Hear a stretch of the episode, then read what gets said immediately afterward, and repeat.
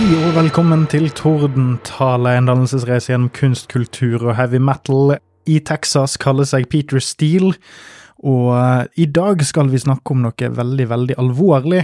Noe tungt eh, og dystert, men òg eh, pussig lystig og identitetssøkende, nemlig metallens svar på Duck Dynasty, Pantera. Og grunnene til det er jo mange, men eh, vi har jo et par stykk. Det ene er jo at eh, 50% av det juridiske lærde har enes om at er, kan kalles original-lineupen av Pantera skal spille på Tons of Rock. Og det er jo en så god tid som noe annet til å plukke opp dette bandet og snakke litt om det, eh, selv om det da ikke inneholder den mest vesentlige delen av sounden, som da er Abbott-brødrene, men eh, det er nå en debatt for en annen dag. Jeg kjenner at jeg ikke har så veldig mange hester med i det veddeløpet, som kommer til å bli litt tydeligere etter hvert som vi kommer videre i eh, drøftingen vår her. Fordi det vi skal snakke om i dag, er jo Pantera sin fjerde plate, Power Metal. Og da må jeg jo først si at det er jo et eh, eksepsjonelt eh, bra navn på et album. Det er jo òg en av Metallica sine første demoer. Prydes jo òg med den tittelen. Og en generell subsjanger av heavy metal bærer òg det navnet. Selv om det egentlig ikke har kommet så ekstremt mye bra samlet sett ut av den gjengen, så kan man jo ikke nekte for at jeg har sansen for det beste den sjangeren har å by på.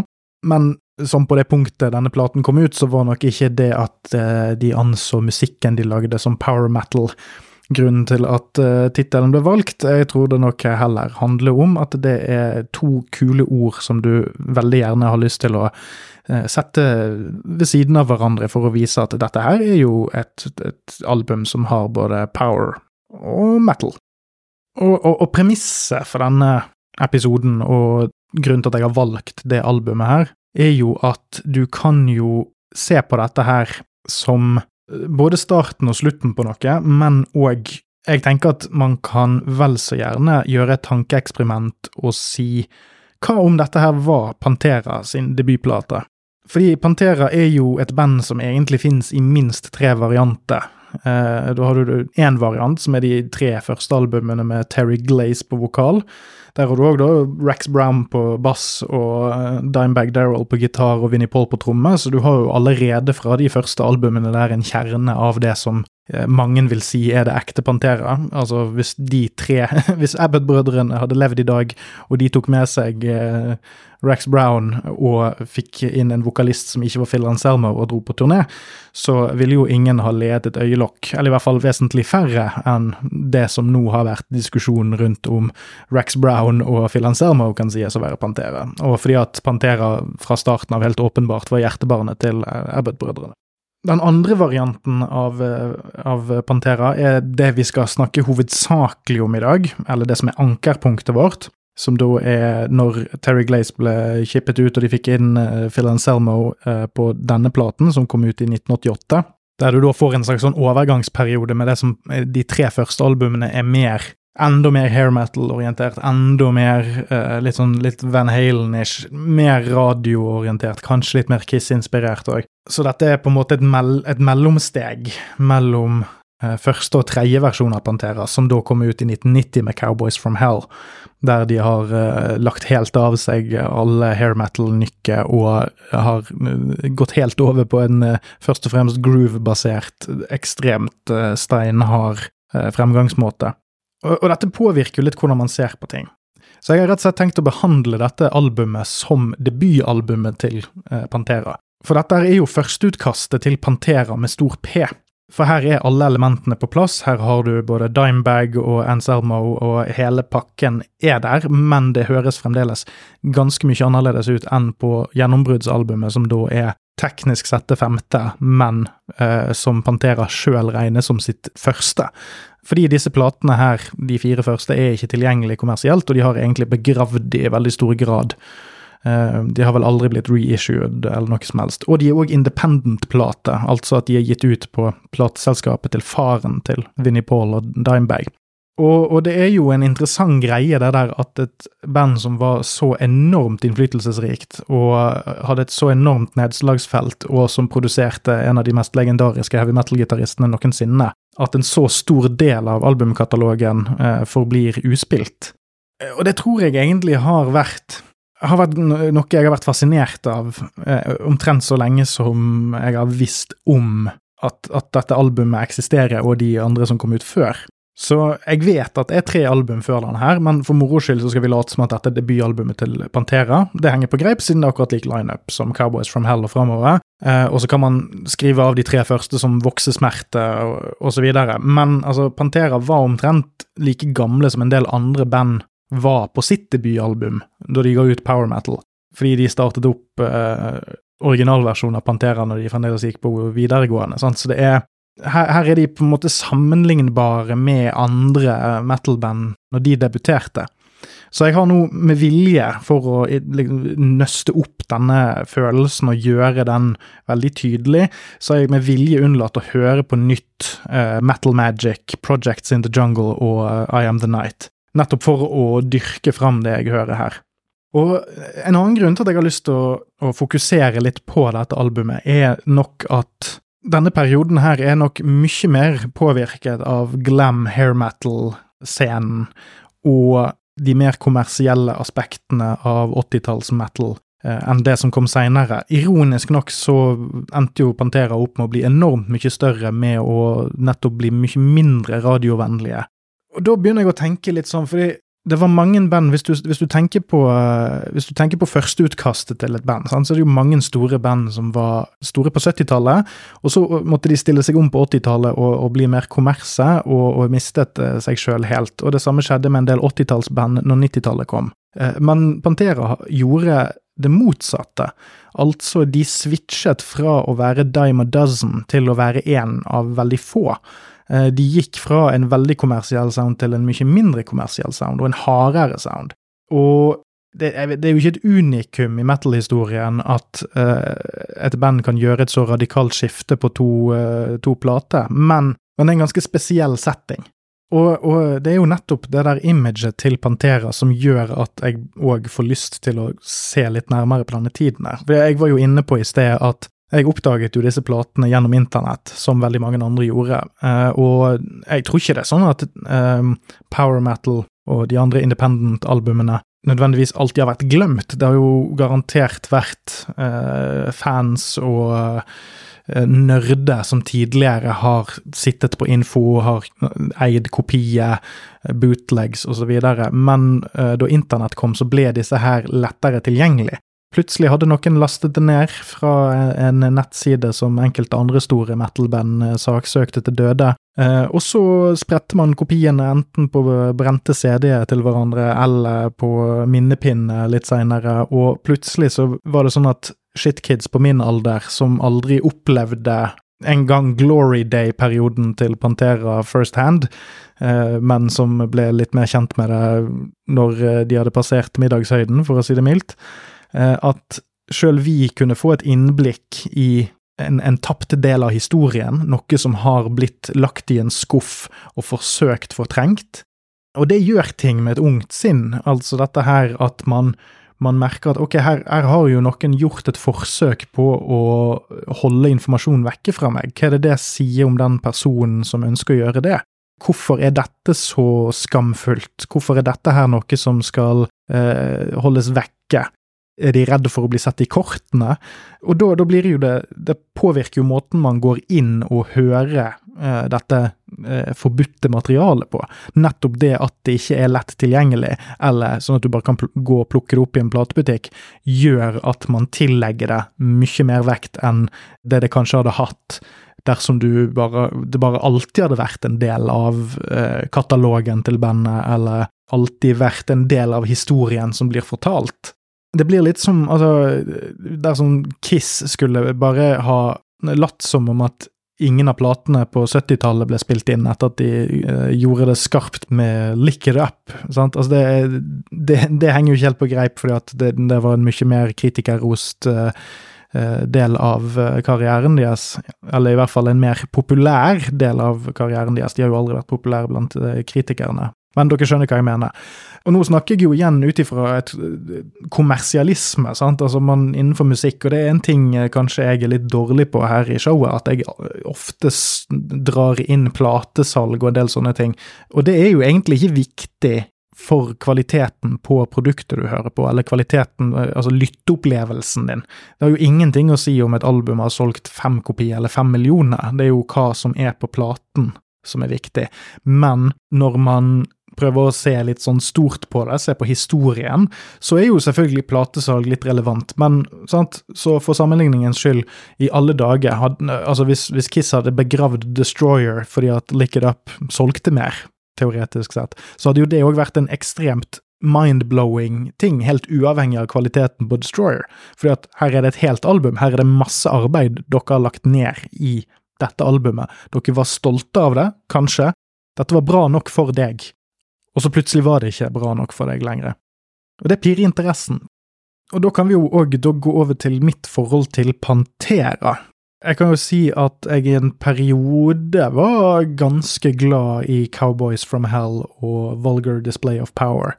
Og jeg vil holde de albumene som ganske gode. Eh, ikke nødvendigvis mine Altså, de, de, er ikke, de, er ikke, blant de albumene jeg trekker fram som en del av det som eksemplifiserer min smak best, eller er det jeg elsker høyest i denne verden, eh, og at det gir meg akkurat eh, det jeg vil ha av musikk. Men de er veldig gode plater. Veldig gjennomførte, veldig godt produserte. Uh, har et lydbilde som vet akkurat hva det vil. Altså, alt matcher hverandre på de to platene de er statements. Veldig, veldig gode statements. Og jeg, før mente jeg at Vulgar Display var favoritten min av de to, fordi at den er så kontant.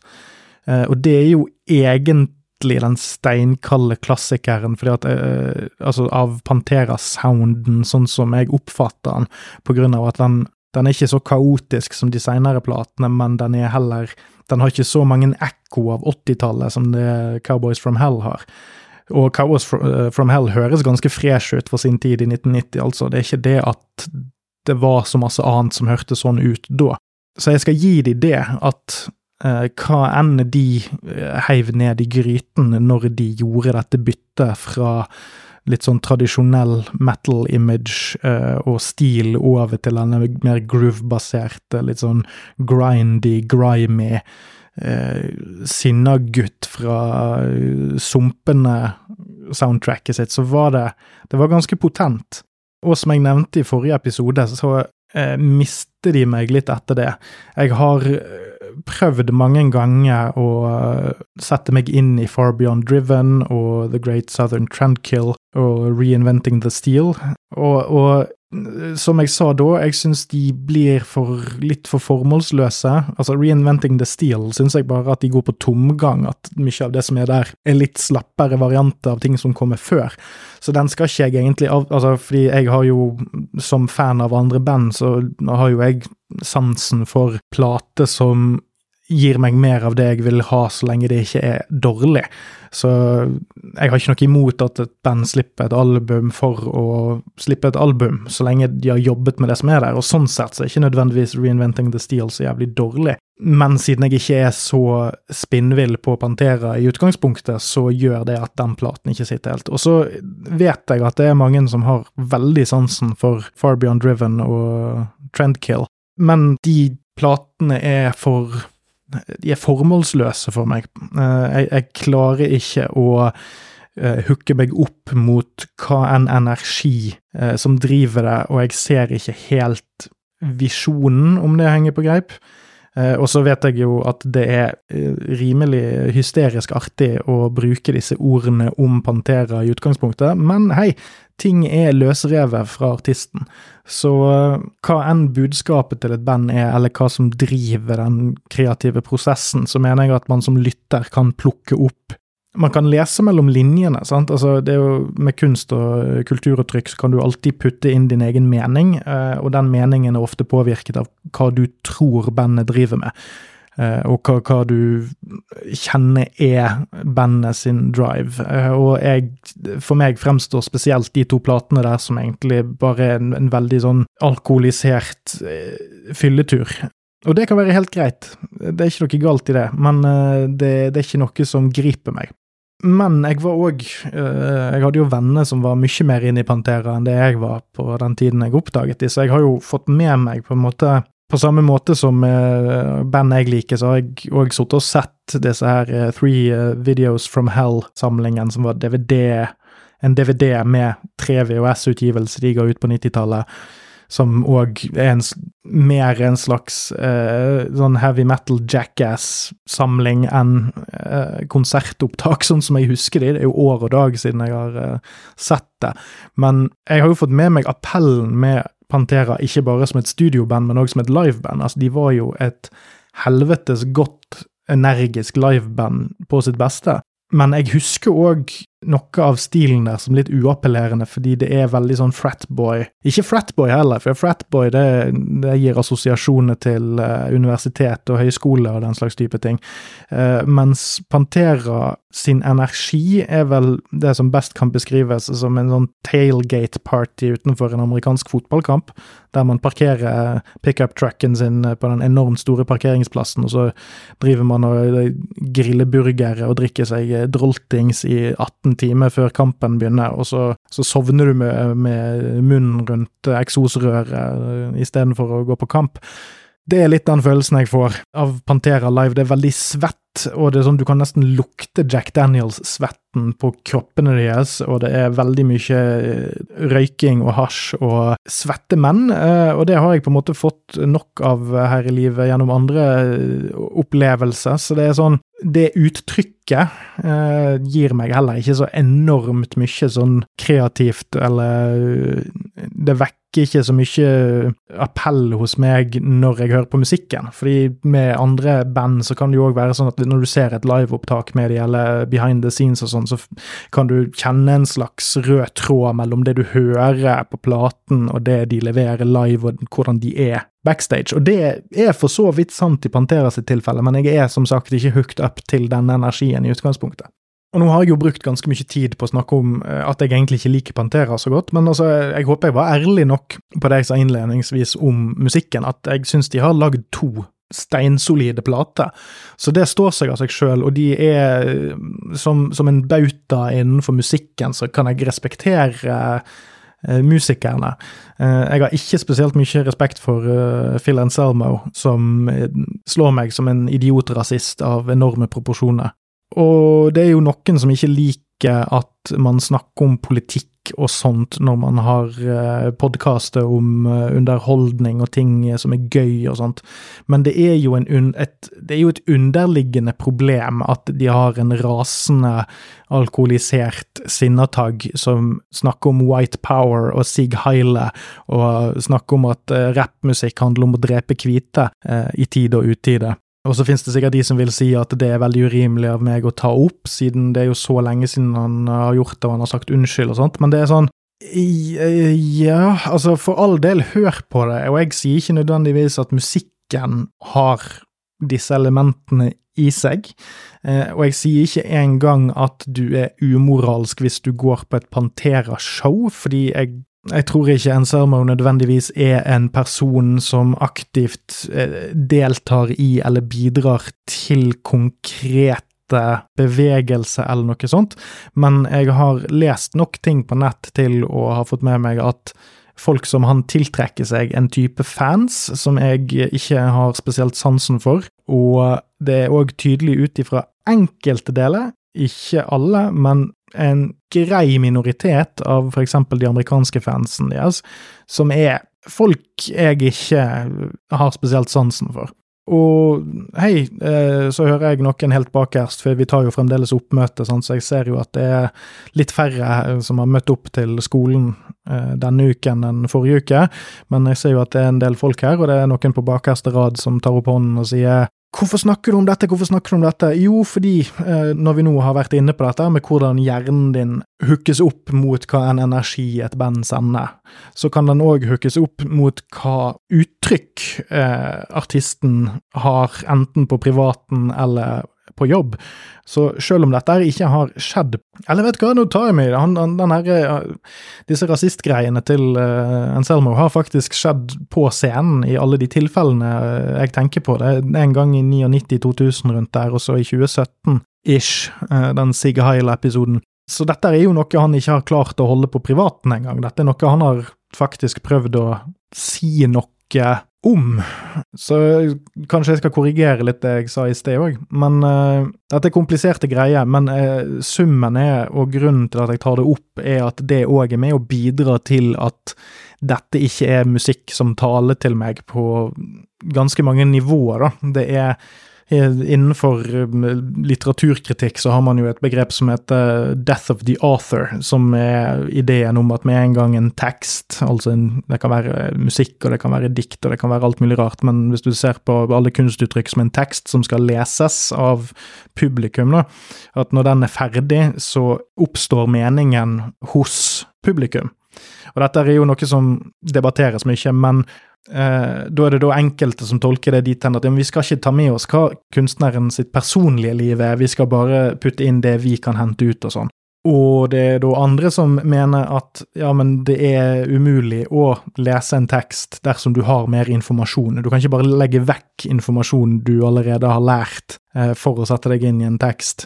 Så dette er en utveksling mellom ideer vi plukker opp og sånn.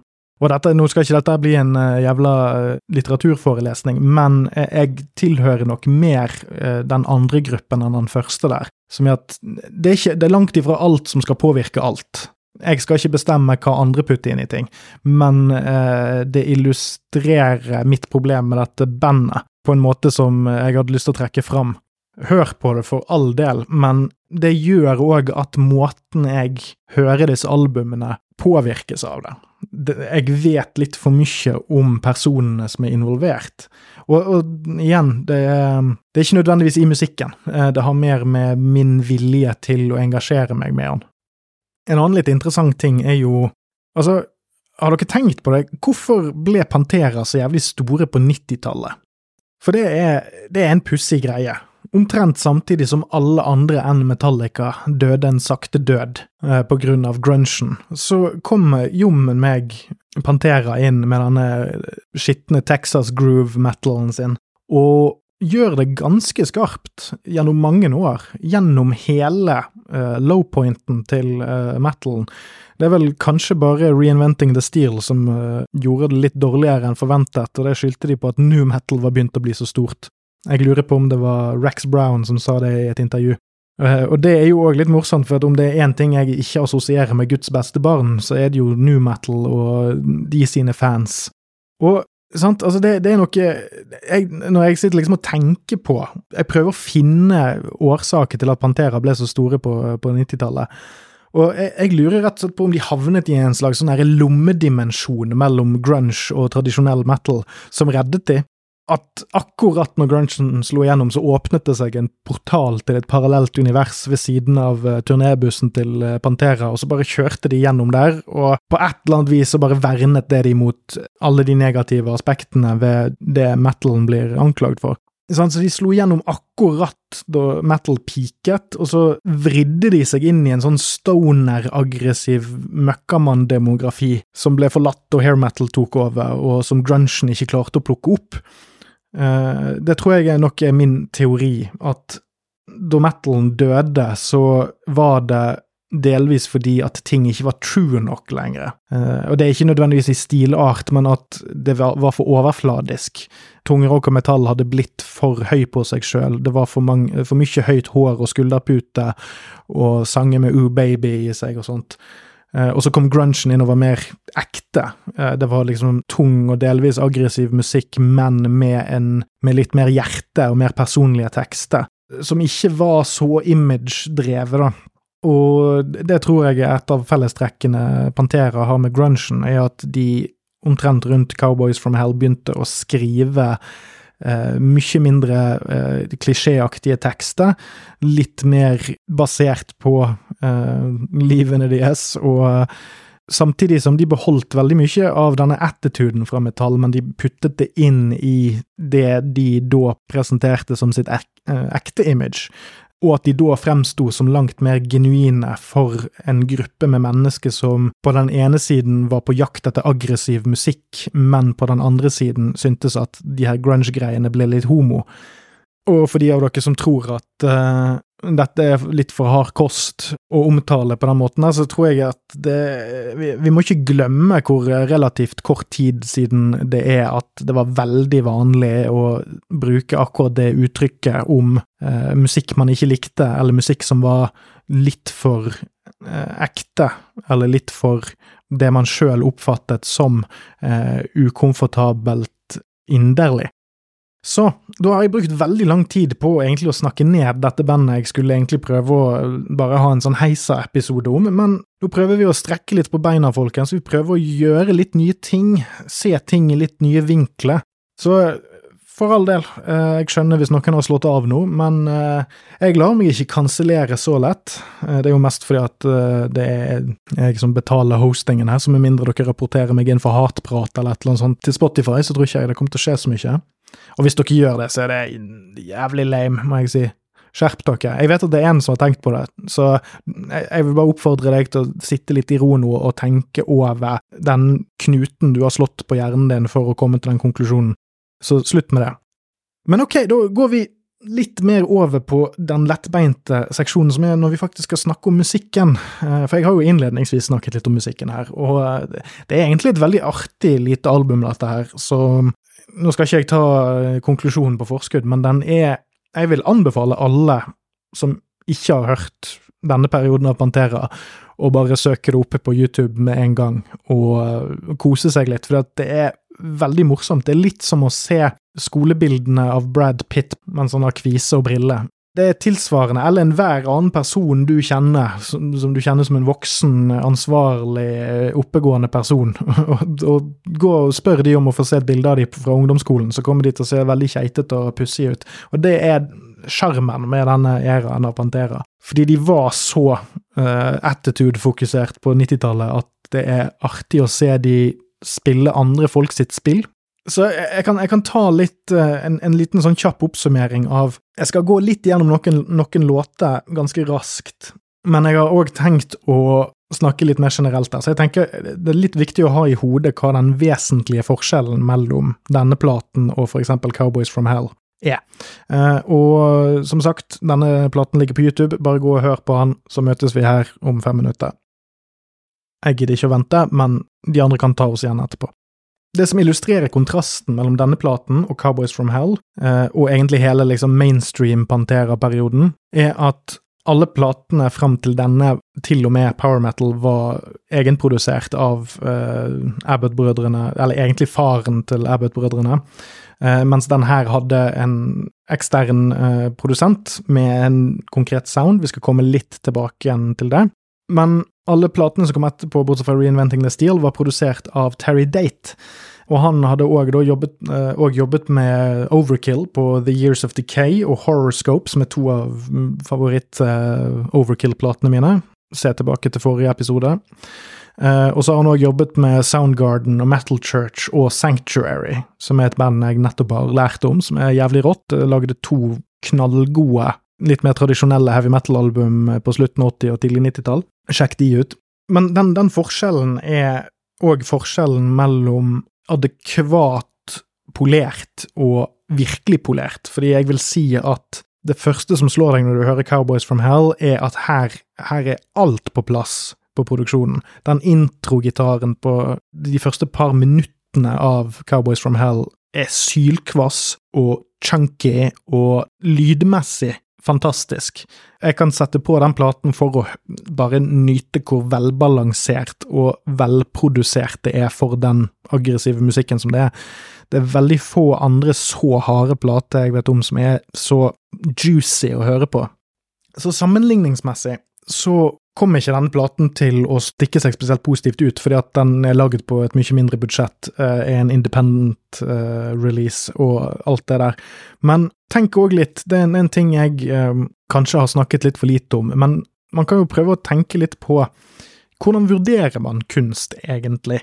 For jeg er ganske glad i en amerikansk avdød filmkritiker som heter Roger Ebert, eh, og han har noe jeg liker å kalle Roger Eberts relativitetsteori. Eh, og måten han så film på, var at hvis du ser en ny film, så kan du ikke sammenligne den med det aller beste av, av hva film har å tilby, for da vil jo enhver film som ikke er Shawshank Redemption eller Citizen Kane, alltid få en toer eller treer eh, maks på terningkast, sant? for de aller fleste filmer kan ikke måle seg mot det aller beste som er lagd.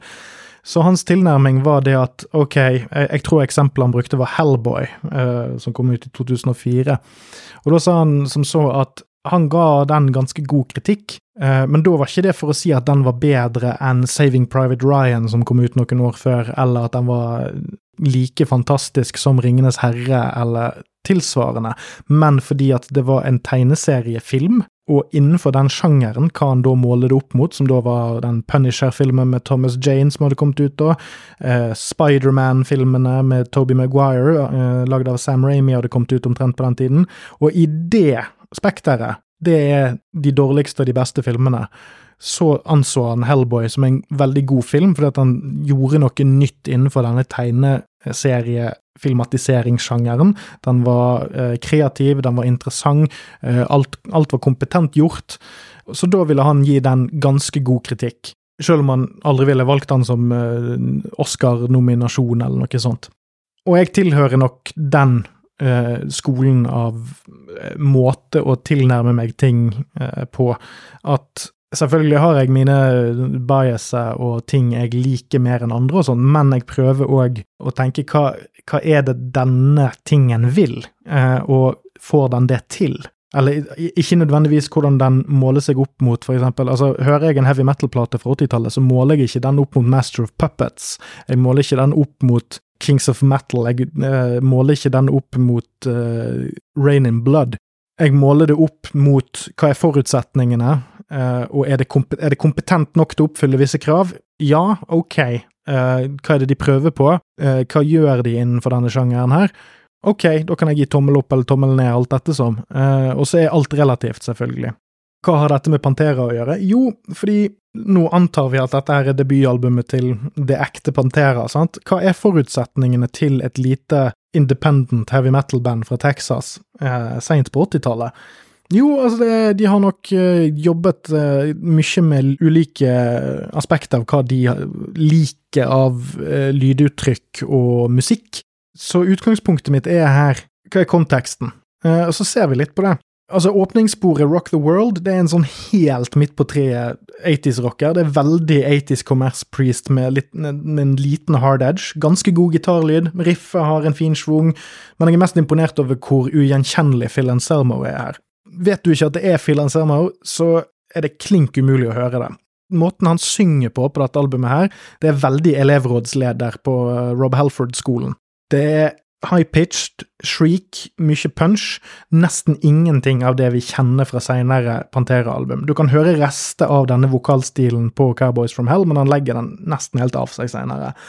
Og bare det, det i seg sjøl er en god nok grunn til å høre dette albumet, fordi du får Det husker jeg når jeg hørte denne for første gang. Nå er det år og dag siden jeg hørte det.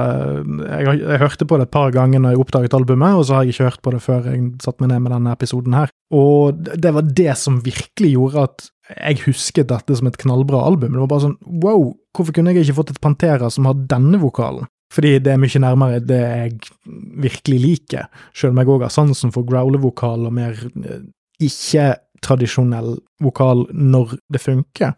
Så det er sånn, selve låten er en veldig funksjonell allsang om rock-låt. Eh, men så kommer Dimebag inn i soloen. Han var her kjent som Diamond Daryl, som var et litt mer sånn glamrock-artistnavn han hadde faktisk helt fram til 2-93, tror jeg. Og du hører han i soloen som bare faen. Hvis du kjenner Pantera fra før, så er han umiddelbart klokkerein og tydelig her. Eh, og det er en veldig, veldig morsom greie. At til tross for hvor brutalt annerledes dette albumet er fra det som skal komme, så er han her. Han er på mange måter allerede på plass. Låt nummer to holder jeg hakket over, fordi det er tittelsporet power metal, og det er et fint riff. Eh, den andre delen minner om deler av det som dukker opp i Cowboys from Hell-sangen. Eh, så det er morsomt å høre ekkoet fra denne platen på eh, Cowboys from Hell. Og den her sparker ganske greit fra seg. Den her vil jeg putte inn på på en måte anbefalt-biten. Det er en skrytemetal-sang. Jeg er veldig svak for skrytemetal-sanger. Og den er veldig priestete på riffet. Når en synger tittelen på sangen, så høres det ut som de har stjålet det fra refrenget til Jawbreaker, og dette er helt kurant standardmetall. Det er en helt vilt bra solo, kontrollert kaos inni det som ellers er en ganske målbevisst og enkelt strukturert låt. Eh, låt nummer tre er We'll Meet Again, saktegående chugger. Snakkestemmen til Anselmo viser seg frem for første gang, eh, med et sånt lett demonfilter over. Det er klokkespill i bakgrunnen på refrenget, og alt i alt så minner det om litt sånn hardere rockeballade som var populær på denne tiden. Det er godt håndverk, men det gjør òg at det som står ut med låten er produksjonsvalgene, som er for eksempel reverb og ulike effekter, lag på lag vokal, eh, altså at de stacker mange Anselmos eh, oppå hverandre. Eh, her har vi mye mer standard solo, jeg vil nesten kalle den kald, altså den er ikke, den er ikke inne i låten i like stor grad som på de to første låtene dette skal være en litt mer sånn semiballadeaktig, selv om den ikke er soft nok til å kalles en reell ballade, men den er mer sånn Nå, nå prøver jeg å være litt, litt pusegutt, selv om jeg er hard, eh, og da blir den teknisk gode soloen vi hører her, for kald. Den er ikke inne i det emosjonelle i sangen. Nummer fire, Over and Out. Den er thrashete. Eh, der hører du at de låner litt fra Ride the Lightning og Master of Puppets. Eh, du kan òg høre veldig tidlig Testament på vokalen. Eh, alt i alt en popuri av mer thrashete elementer som du kjenner til fra samtiden. Hadde den vært ha hakket skarpere i uh, attacken og tenkt litt mer på egen hånd, så ville det vært en real banger, men, en, men en, sånn som den er nå, så er den sånn helt OK pluss. Og så kommer vi til låt nummer fem, og her kommer Mark Ferrari eh, inn, som har delvis produsert platen sammen med Pantera. Og han var da gitaristen i Keel, eh, som var et uh, hair metal-band som uh, slapp en del plater på 80-tallet, og som er litt, litt, kjent blant de som er veldig glad i sånt. Men ikke en av de, en av de glemte klassikerne, akkurat. Men et, et ganske kompetent hair metal-band er vel den enkleste måten å oppsummere de på. Og denne låten her er skrevet av Ferrari. Og du kan høre helt fra starten at den stammer fra en helt annen setting. Så vidt jeg husker i farten, så var denne skrevet for et av albumene de slapp, Keel slapp omtrent på denne tiden, men så ble han lagt til side av en eller annen grunn, og så lagde ikke Keel sin egen versjon før i 98 eller noe sånt. Og det, det, som er morsomt, er at denne låten høres ut som en sånn tradisjonell metal, altså et tradisjonelt metal-band som covrer en glemt Gene Simmons-frontet Kiss-låt, som var ganske artig når, uh, å tenke på, fordi uh, med en gang den tanken slo meg, så gikk jeg inn og sjekket, og så ja, det var det jeg mistenkte, ja, for Gene Simmons produserte uh, andre- og tredjeplaten til Keel. Så eh, at det sneik seg inn i noen ting jeg har uh, sansen for uh, fra 80's Kiss inn her, uh, er jo ikke så veldig pussig. Men alt i alt så er ikke det noe å skrive hjem til mor om på, og det, det, det, som er verdt å merke seg med denne låten, er at du kan høre her, den, Denne kan du bruke som en lakmustest på hva som er Pantera sine ønsker med platen, som er alle de andre låtene, og hva de kan gjøre når de virkelig ikke har lagd noe sjøl. Når de er helt på noen andres banehalvdel. Da kan du på en måte separere ut de tingene jeg beskriver som å ja, her kan du høre Metallica, her kan du høre Judas Priest, her kan du høre litt mer kommerse hair metal-greier. Det er ting som Pantera sjøl har sansen for, de tingene jeg beskriver der, men denne låten kan du høre at denne hadde de aldri skrevet sjøl. De hadde ikke klart det, eller hatt lyst til å gjøre det. Så ta, ta Singel ut den her, hvis du skal høre på platen, for her, her, er det en nøkkel til litt sånn dybdeforståelse av hva som gjør Pantera til Pantera, tror jeg.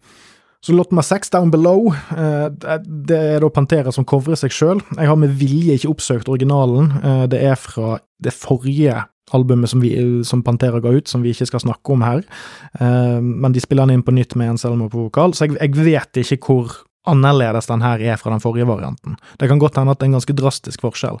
Uh, og her får vi en kombo av thrash-elementene som vi har hørt tidligere på platen, i instrumentene og vokalen, men du får òg samtidig tidvise innslag av veldig sånn hair metal-aktige melodilinjer på vokalen. Og den er ganske fresk. Der er det noe litt artig med sounden, syns jeg. Altså, denne At Pantera har vært så glad i litt sånn Van Halen-inspirert 80s metal, og så hører du at de har begynt å, å høre på thrash, og, og, plukket opp de strømningene der. Det som mangler helt på denne platen, er groove. Det er nesten ikke til stede. Eh, så det, det, det, skjer helt åpenbart noe etter at de lagde disse låtene og 1990, der fordi du kan fremdeles høre disse thrash-elementene på eh, Cowboys, men det som manglet, var den groove-inspirasjonen. Så låt nummer sju, Death Trap, igjen av det harde slaget. Riffet er dritfett, og det minner meg eh, både om andre ting på dette albumet og andre låter av andre artister, uten at jeg helt klarer å sette fingeren på det. Altså hva som er hva det er det minner meg om. Det er en solid 80s metal-låt, og den har tonnevis med attitude på alle fronter, men det er liksom det, er sånn, ok, her er positivt. Ingen av låtene jeg snakker om her som jeg virkelig liker, troner jævlig høyt opp eh, på en sånn all time favorittgreie, men her hører du at de har et eller annet de leter etter, og et eller annet der de setter sammen ulike elementer, og det er jo sånn ekstremt mange band starter, dette med å Ok, jeg liker denne tingen, jeg liker denne tingen, jeg liker denne tingen. La meg putte det sammen og se hva jeg får. Og det er, det er noe av det gøyeste med denne platen det er, det er, tre forskjellige 48 stykkers eh, puslespill som har blitt hivd sammen, og så prøver Pantera å sette sammen noe som henger på greip. Så låt nummer åtte, Hard Ride, eh, den er litt sånn um, under middels. Det er klokkespill og gong eller kirkeklokke involvert i lydbildet. Den inneholder òg den fantastiske linjen uh, You're in the danger zone, og stort mer 80s blir det jo ikke. Den minner om en litt mindre skarp versjon av eh, Priests in Rock Hard Ride Free, eh, med noen omskrivninger, og produksjonsarbeidet her gjør låten mer interessant enn selve musikken. Helt standard grei. Den, det er nok en låt jeg kanskje liker litt mindre enn det jeg tror, fordi at her funker produksjonen overraskende bra, som jeg nevnte. Så produksjonen gjør låten mer interessant. Uh, låt nummer ni, Burn. Uh, her snakker vi veldig god attack og stjeling av de rette elementene. Beint på hardfres på riffingen. Uh, velplasserte power chords og tekst om metall, det liker vi jo. Den har catchinessen til puddelrock, men styrken og overbevisningen til hardere saker. Og det er her jeg begynner å kjenne at jeg, jeg får veldig lyst til å høre et oppfølgeralbum som bygger videre på disse elementene. For jeg, jeg, kan helt tydelig se for meg et uh, album nummer to her som legger av seg enda mer av puddelrocken, men bygger på de litt kulere tingene de stjeler fra Priest og uh, thrash metal-bandene, som ikke resulterer i Cowboys from Hell. Så uh, det er det parallelle universet jeg har lyst til å besøke. Og så er det avslutningslåten, som trekker jævlig ned. Det er låt nummer ti, PST88, som rett og slett er en låt om eh, vaginaer og hvor kjekke de er å ha med å gjøre. Sånn selve låten, så er det ganske standard hardere chugging i bunn. Så hvis du legger på tolv lag med produksjon og tuner ned og bytter ut vokalen, så kan du høre nyere Pantera i denne låten. Det er ikke derfor jeg misliker den, uh, men det er egentlig en altså det er en ålreit metal-sang på instrumentsiden, uh, som er ganske sånn standard og ålreit, og som igjen Roger Ebert-prinsippet uh, her. Men den ødelegges av tekst og vokal. Det, vokalen er kjedelig og fjollete, og det er sånn Jeg har hørt nok fittesanger i mitt liv, og denne her er sånn Dette er veldig Steel Panther for å si det mildt. Det er nesten som jeg skulle tro det kan, det kan jo hende at eh, det bandet som eh, lagde andre dette hypotetiske andre albumet eh, i denne diskusjonen her, at det faktisk var Steel Panther. Hvem vet? Det er uansett den dårligste låten på platen, og den trekker ned den, det er en dårlig avslutningslåt. Og som jeg har snakket om tidligere, det er en av de verste forbrytelsene du kan gjøre med et helt ålreit album, det er når du legger en genuint dårlig låt på slutten. Du må ha én knallåt på starten av platen, én knallåt på slutten, og gjerne én i midten. Hvis du ikke klarer å vekte det, så har du ikke klart å få flyten på platen eh, på en god måte. Om noe så skulle denne platen her eh, blitt avsluttet med tittelsporet. Hvis den hadde gjort det, så hadde det vært eh, solid toppnotering. Så sånn helhetsinntrykket mitt på denne platen er at det er veldig godt arbeid her på produksjonssiden. Jeg ville ikke tenkt at dette her var subpar for nykomlinger på dette tidspunktet. her. Dette her er veldig ålreit. Det er overraskende fin lyd. Ikke noe å skrive hjem til mor om, men du hører alle separate instrumenter veldig tydelig i miksen. Stemmen bærer godt. Altså, det, det, du kan jo si at det kanskje er litt, litt eh, nedstrippet, og at det kanskje hadde dratt nytte av eh, mer romklang, kanskje Terry Date-produksjon. Noe à la det eh, Overkill eh, leverte på samme tid, hadde passet denne platen ganske godt, og kanskje det hadde presset noen av de litt mer sånn fjollete puddelgreiene litt mer i bakgrunnen. Men, men, på andre siden så tror jeg òg at jeg har husket denne platen som vesentlig bedre enn det den egentlig er, fordi at den er et, så, et såpass stort steg opp fra de tre foregående platene, som jeg da hadde hørt på samtidig. Men, men, sånn som man står i dag, så er det en respektabel plate. Det er ikke noe egentlig å skamme seg over her. Det er mange andre band som har levert mye, mye verre ting enn dette her, og sånn, sånn musikalsk, det de leverer er helt innenfor.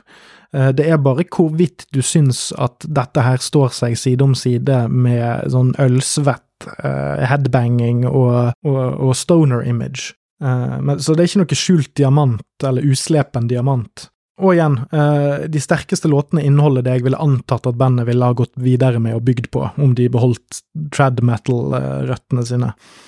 Så det er et fint bilde på hva Pantera kan høres ut som i standard tuning og med mindre sinte tekster. Så, sånn når vi går inn mot slutten her, hva har vi lært i dag? Jeg sa jo innledningsvis at, uh, at Pantera var metallens svar på Duck Dynasty, Uh, og Jeg vet ikke hvor mange av dere som vet om dette, her, men bare google Duck Dynasty. Det er en reality-serie om en gjeng med hillbillies som har tjent seg veldig rike på å lage andefløyte, eller lokkefløyte for uh, andejakt. Men det som er artig med den familien der, er at de er en gjeng med skjeggete hooligans som uh, liker å gå i kamo og amerikansk flaggbandana og skyte ting og være kristne og sånn erke-hillbilly-amerikanere. Men det fins jo bilder av disse folkene før den reality-serien dukket opp. Eh, og da står jo alle i sånne hvite pikéskjorter og er helt glattbarberte, hele klanen, og er utrolig respektable college kids med familie og eh, hele pakken. Eh, så det var veldig tydelig at det var et image-skifte som hadde blitt gjort for å gjøre denne serien mer salgbar i enkelte deler av USA.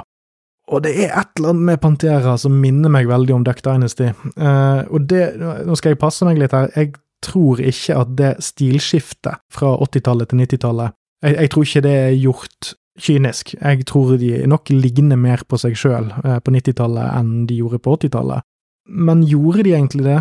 Fordi jeg tror at denne platen her er vel så mye en representasjon av i hvert fall hva Dimebag og Vinnie Paul likte eh, på denne tiden. Fordi det er så mange ting som taler for det. Det er en selvprodusert metal-plate. Eh, den inneholder veldig mange av de tingene som de snakket senere om at de liker. Dimebag var jo famously glad i Ace Frehley som uh, sologitarist, og Van Halen. Uh, og han er jo begravd med en genuin Eddie Van Halen-gitar uh, og i en Kiss-kiste.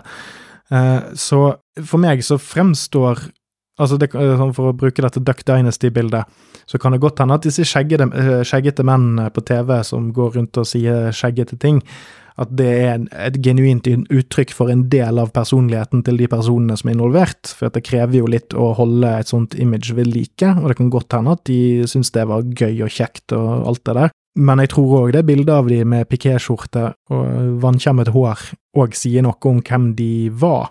Eh, så jeg det er veldig lett eh, å sitte og se på Pantera sin karriere, og så se på disse 80-tallsgreiene som ja, men de var unge og dumme, de visste ikke hva de ville. Fordi Gjør vi egentlig det med noen andre metal-band eller rockeband som er av verdi?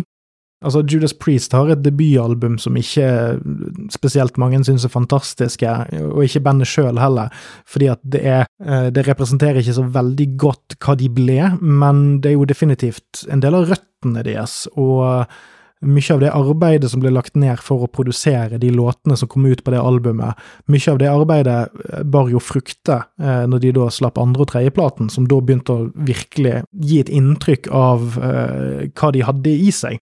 Så jeg syns ikke at det er noe Jeg kan på en måte ikke respektere det valget å gjemme noe unna så til de grader som de har gjort her, eh, bare fordi at det ser litt kvisete ut eh, i ettertid. Det var ingen som tvang de til å lage disse albumene, så det Jeg sitter nesten og lurer på om det var en litt sånn her eh, ryggmargsrefleks for en gjeng med mannfolk tidlig i 20-årene når de begynte å gjøre det stort, at å faen, det var litt pinlig det der. Vi kan jo ikke la, la, det ødelegge for hvor kule vi er nå, så la oss gjemme det. Og, og det er liksom, det er derfor det er så gøy at dette albumet her finnes. Eh, fordi at det er det gir meg en sånn tanke om at de er sell-outs med at de eh, gikk for denne svette eh, skjeggegreien sin på 90-tallet. Altså, altså, Man har fire album som er gjort på en independent label, og så med en gang du gir ut noe på en stor label, så begynner du å skamme deg over det. Det er jo det motsatte av hvordan musikkelskere tenker om sjangrene sine generelt. Altså, det er jo en enorm eller det er jo veldig mange som liker musikk som virkelig søker etter de folkene som gjør ting på eget initiativ, og bare for å få utløp for kreativiteten sin, og bare for å bygge en karriere, og bare for å virkelig vise hva de kan, og det er jo det disse albumene her egentlig representerer. Altså, hvorfor har dette her noe mindre kunstnerisk verdi enn det som kommer ut rett etterpå, hvis vi ser vekk ifra anerkjennelsen? Det er fremdeles et uttrykk, det er fremdeles noe som sier noe om hvem disse folkene er, hva de liker her i livet, hva som gir de et kick. Og det syns jeg eh, det står respekt av på dette albumet, vel så mye som det som kom seinere, sjøl om jeg vil definitivt vil si at Cowboys og Vulgar Display er milevis bedre på nesten alle fronter. Nettopp fordi at det er mer unikt, at det er mer en egen greie. Men dette her er fremdeles de. Det er fremdeles det de har å by på. Og det, og det, blir jo også veldig eksemplifisert med coverne. sant? Hvis du ser, prøv bare å søke opp dette coveret eh, på eh, Google Images, og, og, se hvor herlig hjemmelaget og hvor herlig fine de er, disse unge guttene, før heroinen og hasjen og alkoholen tok de. De er ekstremt skinny, relativt sett, til hvordan de vil se ut seinere. Alle har, eh, alle har, akkurat riktig mengde med hårspray, og eh, klærne sitter fint på. De har tenkt veldig mye over hvor kule de er på dette coveret. Og så har de fått en kompis til å tegne et omriss med tusj og eh, en hjemmelaget logo på toppen. Og så har de jammen meg fått med seg Kevin Smith på tromme. Det kan du se, dere tror kanskje ikke på meg, men gå og se. Kevin Smith, Pantera var, var bedre før de kastet ut Kevin Smith. Og så går du over til Cowboys, og, og hvor radikalt annerledes de prøver å, å fronte seg på det coveret. Jeg, jeg, tror jeg har dekket det jeg vil dekke her, men som jeg har trukket fram flere ganger gjennom episoden, oppsøk dette albumet. Sjekk det ut, spesielt hvis du ikke har hørt det på en stund, eller har glemt det, eller aldri har hørt om det før. For det er så mye gøy å grave i her, det er så mye det sier om ungdommelig glede. Eh, det er noe purt med dette albumet, det er noe litt fint med det helt uavhengig av hvordan det måler seg mot de virkelige bautaene som ble gitt ut samme år, altså kom ut samme år som Justice til Metallica, for eksempel. Sant? Altså, det er jo ikke i nærheten der, men det er fremdeles et ønske om å det, det, er som å se en uh, nykomling, uh, en, en, ny bokser, gå inn i, i ringen mot uh, Muhammad Ali in his prime. Sant? Altså, det er bare ønske om å være en contender, bare ønske om å vise hva du har. Og det var jo på ryggen av dette albumet her at de faktisk fikk den platekontrakten de fikk. Altså, de var, det var jo når de promoterte dette albumet at de ble plukket opp til større ting. Så det, jo, det er jo definitivt ting som dukket opp seinere som allerede var på plass her i en livesetting. Det er noe fint med det, eh, som jeg syns vi alle skal ta og huske på. Vi har alle vært unge en gang, vi har alle, alle gjort et eller annet som er litt pinlig i etterpåklokskapens lys, men vet du hva, noen ganger så må du bare eie det og si vet du hva, jeg gjorde det der, og ut ifra forutsetningene mine på den tiden, så kunne jeg ikke gjort det bedre. Og det syns jeg oppsummerer denne platen veldig godt. Så da eh, vil jeg bare avrunde der, og takke for at uh, bare to tredjedeler av dere gikk før timen var over. Og så, som hjemmelekse til neste gang, så vil jeg at dere skal tenke over dette. Samme år som Power Metal kom ut, så ble det satt en monumental rekord av Kiss eh, da Paul Stanley presterte å skrive disse linjene til to forskjellige låter gitt ut på samme album. Baby, let's put the X in sex, Love is like a muscle and you make me wanna flex. Og så, i en annen låt, You make me rock hard, baby all night, Love's like a glove, and it fits just right. Så filosofer litt rundt hva kjærlighet er. Er det som en muskel som du vil flekse, eller er det som en hanske som passer akkurat? Takk for i dag.